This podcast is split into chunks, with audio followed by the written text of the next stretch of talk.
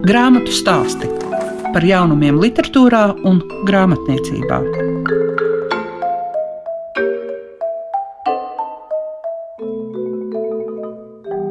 Līdzsvaru starp esejām un dzēju meklēsim šīs dienas grāmatu stāstos. Tie kā parasti skan klasikā, un kopā ar jums ir arī Liega Piešiņa. Un šodien dzirdēsiet Agnesi Rutkēviču, jo viņas esejas par mākslu, cilvēkiem un dzīvi atgādina gan laika periodu, kad tie ir tapuši, gan arī to, cik svarīgi ir sekot dzīvei un mākslai, kas ir līdzās. Un tāpat dzirdēsiet Kristapu vecgrāvi, kuram iznācis otrais dzējas krājums. Tam dots nosaukums Vaska ezers. Grāmatu stāsti programmā Klasika. Grāmatu stāstos dzirdēsiet Agnese Rutkēviču. Viņai ir iznākušas esejas par mākslu, cilvēkiem un dzīvi ar nosaukumu Skumjais laikmets. Kāpēc tev gribējās tādu nosaukumu? Es atceros, kad es liku kopā šīs esejas. Un jā, tas ir piecu gadu veikums. Tas ir, lai būtu secīgi, es sāku rakstīt kultūras dienas slējas Normūda Naumaņa vietā.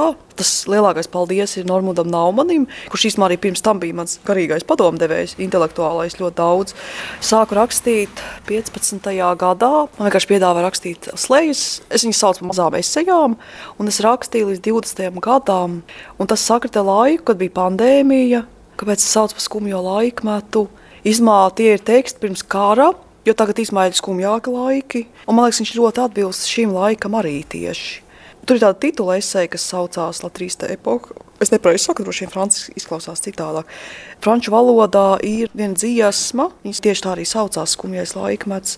Ja es nemaldos, tas bija laika posms pirms Pirmā pasaules kara. Vēl viņš vienādojās ar skaisto laikmetu. Pirms Pirmā pasaules kara, kad pasaule pilnībā mainījās, tas, tas skumjais laikmets ir arī skaistais laikmets. Kaut kas zaudēts, zaudētājs, kur man arī visās esejās par to ir. Par kaut ko, kas ir zaudēts, bērnība.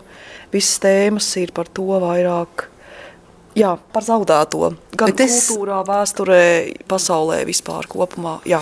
Bet kas ir tas lielākais, ko tu ieguvi ar šīm esejām? Jo grāmata ir skaista un eleganta. Paldies!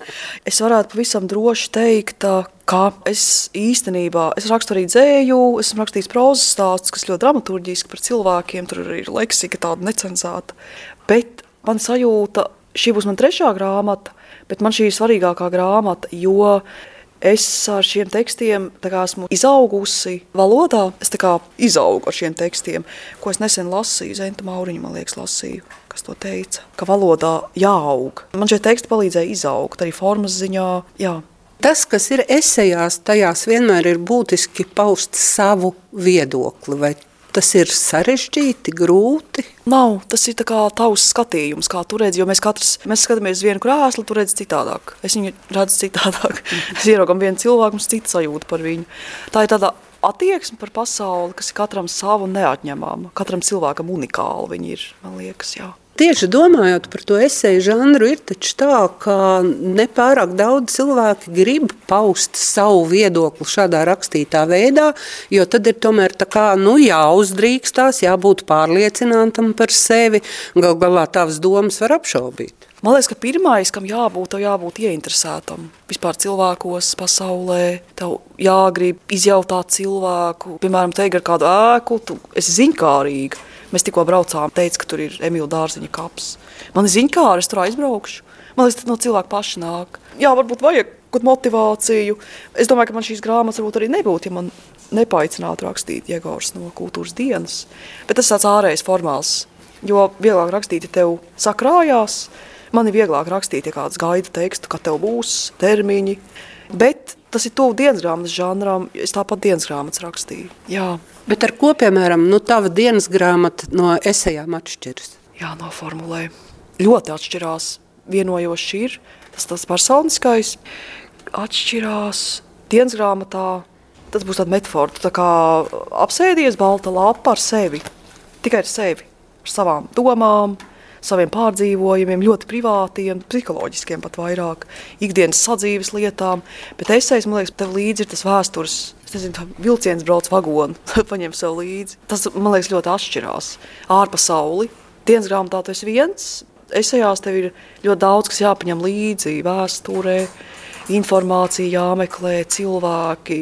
Tur ļoti daudz kas, kas ir jāieliek ļoti īsā tekstā īstenībā. Bet vai var būt tā, ka tev ir kādu laika posmu rakstītas dienas grāmatas, un tad tu pēkšņi ieraugi ko tādu, kas tev palīdz radīt esēju? No dienas grāmatām tieši. Ja es tagad viņas pārlasītu, domā manām, ja? Jā, jā. Man īstenībā ļoti bail savas dienas grāmatas pārlasīt, viņas ļoti tumšas ir. Nu, kā pusauģi kāda tieši. Tur ir interesantas lietas, īstenībā varētu pat turpināt. Man tikai, ja, ja es viņas atvērtu, kad es beidzu rakstīt, dienas grāmatas tad, kad es iekritu ārkārtīgā pašanalīzē. Es analizēju visu, piemēram, krūzīti, tas visu analizēju, un es apstājos drusciņi. Man liekas, ka tur ir ko smelt, jā. Tur arī ir fakti, kas jau vēsturiski patiesībā. Man ir viena dienas grāmata, kur Eiropas Savienībā iestājās Latvija. Es ļoti pārdzīvoju, raudāju visu nakti. Es tiešām raudāju, es nezinu, kāpēc. Lata vairs nebija. Man tas ir dienas grāmatā. Jā, tas ir uzrakstīt. Agnes, šis esejas žanrs un arī to publicēšana ierobežo teritorijā, un no tās puses ir ļoti labi, jo vienā atvērumā viss eseja ir uzrakstīta. Vai tas, ka šīs esejas ir tik īsas, tas tev palīdz, traucē, tev gribas rakstīt vairāk, vai šī konspektīvā rakstīšana palīdz? Man liekas, ir dažādi. Man liekas, ka es esmu lasījis arī Igaunijas Jānis Jērīts, vēstnieks. Esejas arī viņam ir ziņas par nāvi un mainīgā. Viņam divas grāmatas tulkotas. Ziņas par nāmu, liekas, ir viņa tie vēstnieka laiks. Ārkārtīgi skaists teksts, ļoti patīk. Kaplīnskis arī. Viņi divi dažādi. Man vairāk kā Jākam Jērītam, viņam arī tādi īsi gabaliņi. Bet tās 3000 zīmes īsumā ļoti palīdz Ja es rakstītu, piemēram, redzes renovāciju, visu grāmatu, arī tā var uzrakstīt garāku eseju. Es gribētu uzrakstīt garāku eseju, bet tur ir citi nosacījumi drusciņi. Un Kaplīnskim bija ledus un titāniks, bet viņam bija tā garā eseja. Tādu es gribētu uzrakstīt. Viņam ir tā tēma, viņš par titāniks un ledus. Viņš ļoti interesanti apspēlē šos simbolus par dažādām nozarēm, pat ekonomiku ļoti interesanti. Arī var uzrakstīt garāku. Es vispār gribētu uzrakstīt garāku esēju. Nu, tad mums jāgaida, lai tu tā izdarītu. Jā, es domāju, ka es tā izdarīšu. Šīs ir vairāk uzstādījums, jo mums kultūras diena arī iedeva to. Bet es vēl ar redaktoru Alsbergu ļoti īsinājām. Viņas dažas bija garākas. Kas ir tas, ko tu lasi? O, es daudz lasu tās pieminētās esejas. Man vispār ļoti patīk eseju žanrs. Ir viena amerikāņu patīsmīta. Viņa ir dzēniece, rokmūziķe, bet viņai ir pēdējā gadā, viņai kādas četras jau ir iznākušas, vispār līdzīgas kā man. Viņai ir tāds emvilciens, pērtiķa gads, un viņai arī ir ļoti līdzīgi tādi personiski novērojumi par laiku, par sevi visu. Tas ir tas, ko es lasu. Tad man viena brītu rakstniece. Es daudz angliski lasu, ļoti angliski, ārzemju literatūru. Es pēdējo? Es vispār par vīna kritiķiem lasu. es atklāju pārkairu. Oh, man nepatīk tekstu klausīties, man patīk lasīt grāmatā. Man kaut kāds to uztver, tā ir. Jā. Vēsturiskos man ļoti. Milošs, Cintā Eiropa viņam ir tā grāmata. Un iznāca atjaunināta um, arī Milošam, man sagūstītais prāts. Atjaunot iznāca tagad. Ulds Bērziņš ir uh, tulkojis ko es vēl lasu receptes. Tas ļoti palīdz. Nevar tikai daļu literatūru lasīt. Es vairāk uz to, kas nav próza, kas nav stāsti, vairāk tiešām kaut kas līdzīgs esejām, autobiogrāfijām, vēsturiskos dzēju, protams, ļoti daudz. Dzējoļus arī tur raksti? Jā, man ir būs trešā grāmata manuskriptā, jau šī pa vidu gadījās trešā. man būs Jānija Rozē pavasarī. Es varu droši to teikt, jo man ir manuskripts. Esmu uzaicinājis Tomu Treibergu par redaktoru. To es ierunāju, lai es nepārdomāju. es esmu mainījis redaktors, kur apvainojās. Jā, nu tas nekas. To pašu Alsbergu nomainīju otrajā grāmatā, bet viņš trešajā. Viņa mēdz apvainoties vispār. es jau būtībā ceturto esmu sākus rakstīt. Es nezinu, pa kuru laiku tas viss notiek. Grāmatu stāsti tiem, kam grāmatu lasīšana ir vērtība.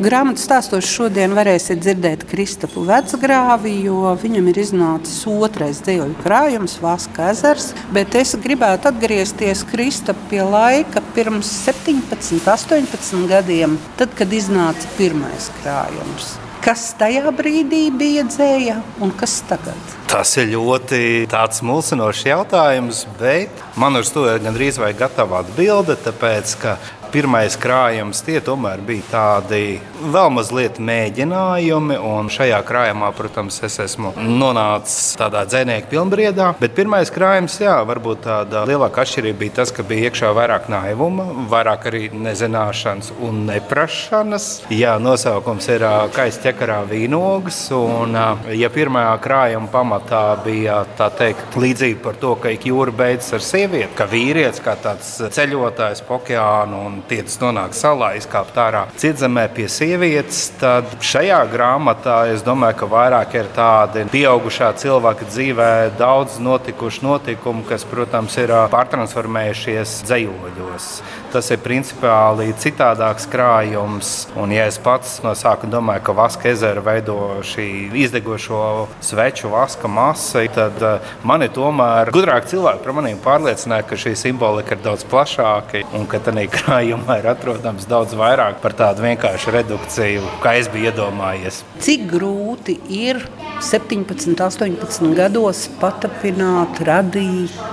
jaunu krājumu? Vai vispār bija kaut kāds posms, kad nerakstīja nemaz? Man bija tā, ka pēc pirmā krājuma iznākšanas es vēl mazliet parakstīju, bet es pēc tam paņēmu ilgstošu pauzi, patiesībā es gadus, četrus nerakstīju. Mēs varbūt blogā ierakstu taisīju un interesējos par citām lietām, bet es būtībā literatūru biju atstājis ne otrajā, bet drīzāk tādā trešajā vai ceturtajā plānā. Un kāpēc visā tā laika es sapratu, ka es tomēr gribu atsākt rakstīt, manī atmodās šis dzinolis uz rakstīšanu, tad es sapratu, ka laikam ir gluži tāpat kā sportists pēc pārtraukuma atgūst fizisko formu. Man precīzi tāpat bija jāatgūst literārā forma, lai rakstītu. No otras puses, pie šī krājuma es nonācu jau ar pavisam citu dzīves pieredzi ar citu literāro pieredzi, ar citu izpratni par estētiku, ar citu gatavību parotaļāties. Jo dzējas rakstīšana ir, tā tomēr ir nu, formas rotaļa. Es zinu, ka ir cilvēki, kuriem ļoti nepatīk, kas saka, ka ir spēles noteikumi šādām lietām, vai ko uz to skatās kā spēles daļu. Bet jā, es daļai to arī tieši tādā veidā uztvēru un praktizēju. Tev ir bagāta valoda. Te laikam ir divas lietas. Man noteikti jāsaka milzīgs paldies savam tēvam par to, ka mums bija plaša biblioteka, to starp ieskaitot arī pirmās brīvvalsts grāmatas, dažādas vēstures grāmatas, kas man tā teikt, noteikti ieinteresēja vairāk par šo pagātni. Tas varētu būt viens no skaidrojumiem, kāpēc man ir daudz arī tādi seni vārdi, ne tik populāri vārdi. Otra lieta, es laikam esmu no tiem dzējas piekritējiem, kas uzskata, ka dzēja ir arī jauna attiecības starp vārdiem nodibināšana, ka tieši pateicoties šiem jaunajām saiknēm, mēs vai nu kaut ko aktualizējam no vecā, vai iegūstam kaut ko jaunu. Es domāju, ka tas arī redzams atspoguļojumā šajā grāmatā. Varbūt tā ir lieta, kas man atšķir būtiski no citiem manas paudzes autoriem. Ja mēs runājam par Vaska ezeru, tad tur ir četras daļas. Grūti būs izskaidrot. Es varu atbildēt par otro daļu, ārkārtīgi konkrēti. Bet, eh, kārtojot, es vairāk vadījos pēc tādas intuitīvas izjūtas, vai tas cementējas kopā, vai tā dzējoļa lasījuma iekšējā mūzika un eh, jēga, kas ir ielikt, vai veido tādus nu, teiksim, tā, satura burbuļus. Par pirmo daļu tās ir eh, tādas vairāk tādas romantiskākas izjūtas, otro daļu, kā es smējos, laikam, Latvijas latviešu to tā ir grūti iztulkot. Tas ir aizvērt, neaizvērtas gešaftas ciet, ja? aizvērt, neaizvērtas attiecības. Un uh, trešā un ceturtā daļa tās ir laikam vairāk tādas formā eksperimenti, kas man ir vienmēr patikuši. Tāpat es aiz visiem šiem dzējoļiem, kā autors, esmu. Vai tu mēģini savus dzējoļus arī pirms publicēšanas lasīt skaļi? Brīžam es mēdzu lasīt, bet es vairāk uzticos lasījumam sevi, kad es pie seviem domās lasu. Jo man ir tā, ka laikam savam lasījumam uz savu ausi es sevi saklausu slikti, un man tas nepatīk. Tāpēc man ir vieglāk, kad es to savās domās lasu. Lai cik tas nebūtu smieklīgi par to balsu runājot, es nekad sev neesmu pateicis radio ierakstos. Man sava balss nepatīk, kad es viņu klausos ierakstā. Grāmatas noformējumā ir izmantots balts zirgs. Nu, te mēs varam par simboliku mazliet dažādas interpretācijas izteikt, jo, kad es biju izvēlējies grāmatas mākslinieku Sergeju Moreno, es viņam teicu, ka tev ir brīvas rokas uztaisīt tā, kā tu to redzi un es pat neko nekoriģēju. Līdz ar to man drīzāk uh, bija tāds milzīgs pārsteigums, kad šis grāmatas vārks man tika parādīts, un man bija jācenšas saprast, kā tagad es to varētu interpretēt, un ja man uzdos jautājumu, kā es varētu paskaidrot.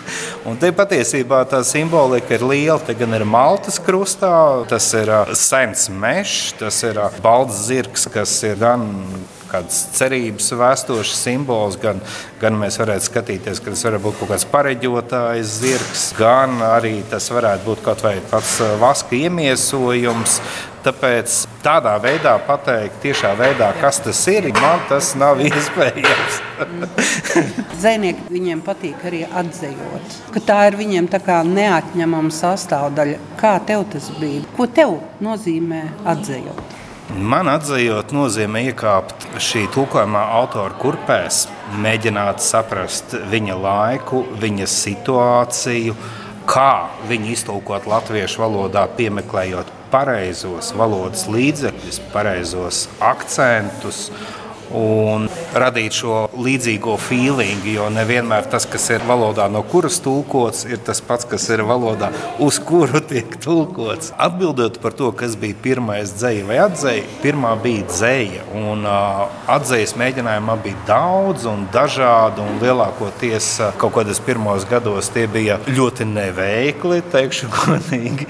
Tāpēc arī uzskatām par neveiksmīgiem. Bet jā, es sāku ar Grebenšķikovu atzējumiem. Boris Grebenšķikovs, Krievu rokgrupas akvārijuma līderis Kamings bija atzējošs no Krievu autoriem, bet šos atzējumus, ja man būtu iespēja šobrīd viņus publicēt, es noteikti viņus nepublicētu. Es noteikti pamatīgi pārstrādāt vai vispār pie viņiem nestrādāt. Bet arī tā kā tā ir manējā radošā procesa daļa, nu, es šos atzējumus, kas starp citu bija daļā mašīnu rakstā pierakstīt, tos esmu nodevis rakstniecības un mūzikas muzejam, lai varbūt nākotnē kādam būs interesanti paskatīties, kā man nav sanācis. Bet uh, kad nonāca pie Ukraiņiem? Es Ukraiņus jau vienu brīdi biju pēc 14. gada pats tulkojis, un man vienmēr ir interesējis pamēģināt kaut ko no radniecīgajām valodām arī atzīt. Tas nozīmē, ja es no krievu valodas to protu darīt, tad cits izaicinājums jau to darīt no ukrāņu valodas, kas ir tuvāk krievu valodai, bet kuru es tajā brīdī nepārvaldīju. Tagad es varu diezgan brīvi jau lasīt ukrāņu valodā. Nu, ar runāšanu nav prakses, un līdz ar to izpaliek valoda. Tas noteikti bija mudinājums, jo tas ir tāds jauns domas kosmos, kuru es atzējot, varu iesūkt sevi iekšā. Jo ir atšķirība, vai tu lasi vai tu esi tas cilvēks, kas tūko un ir spiests saprast un piedomāt pie tā, kā to sapratīs latviešu lasītājs. Vai es esmu pietiekami labi pacenties, un tas būs viņam nodots tulkojumā. Vai tu vari izstāstīt kādu savu dzējoļa stāstu? Jā, nu, man te ir tāds dzējols kā Džeskops kas manā daļradē varētu būt mazliet tāds specifiskāks, jo tas ir patiesībā veltījums džekskopa kā mūzikas žanra pamatlicējam, kuru vairāk pazīst kā Nudžabesu. Viņš ir Japāns un uh, 33 gadu vecumā viņš nositās ar mašīnu Tokijā uz maģistrāles. Un zejoļu pamatā es paņēmu mazliet parafrazētus japāņu sakām vārdus. Paldies Dievam, neviens iepriekš to nav atšifrējis, ka tur ir iekšā salikt japāņu sakām vārdi, bet tagad visi jau par to zinās. Nezināt ir būt par būdu, neredzēt ir būt ziedā, un cik tālu līdz zieds pāri savām malām, tas ir ķiršu zieds. Un cik tālu vīrs līst pāri savām malām, tas ir karavīrs. Lūk, liktenis, kā joguns paceļ asmeni. Lūk, sempleris gaida, lūk, platinieks vēl trīs, lūk, sasprings lēcienam nezināmajā flauta kā bikls ķirzietiņš. Un tad visa šo maģistrāle pēkšņi saules apstājas, kā putna rīkle pirms saskriešanās. Kas ir tas, ko tu lasi, Kristap? Pēdējā laikā es atkal tikpat kā neko nelasu, bet tā, es savukārt lasu, tas ir Brodskas, ko es ik pa lēkām pārlasu. Man patīk Vistāni Hugh Odenu pārlasīt, Man patīk pārlasīt arī Kamīnksa tekstus. No latviešiem es laikam jāatzīst, ka neesmu patriotisks, bet tikpat kā neko nelasu. Nelasu tā izpratnē, ka savai baudē, lai iepazītos ar kolēģi veikumu, es, protams, jā, jā. jā to es lasu. Reizēm gadās, jā, nu, paņem kāds krievu modernismu autors palasīt vai kaut ko tādu galīgi, galīgi eksotisku, jo es esmu laikam no tiem autoriem, kas mīl kaut kādas interesantas, eksotiskas krikumus savākties no citām vietām un tad organiski iekapsulēt sevi iekšā. Kā tu komentētu teikumu, vai precīzāk sakot, atziņu, ka cilvēks ir kā atvērta grāmata? Es domāju, ka daļai katrs mēs esam atklāti grāmati, jo cilvēku būtība jau paredz to, ka mēs komunicējam ar citiem. Mēs gribam būt atklāti, mēs gribam, lai citi ir atklāti pret mums, jo mēs jau arī saprotam, ka katrs tas pieskāriens, ko otrs cilvēks mums, mums izdara dzīvē, ar vārdiem, ar, ar, ar, ar pieskārienu, ka tas taču mūs maina un papildina izskanēja grāmatu stāsti. Šīs dienas raidījumā dzirdējāt Agnesi Rutkeviču, jo viņai ir iznākušas esejas par mākslu, cilvēkiem un dzīvi, kā arī Kristapu vecgrāvi, kurš iepriecina dzējas mīļotājus, jo ir iznācis krājums Vaska ezers. Visu labu jums saka Lieka Piešiņa. Grāmatu stāsti par jaunumiem literatūrā un grāmatniecībā ik trešdienu, 9.5. ar atkārtojumu Svētdien, 18.15.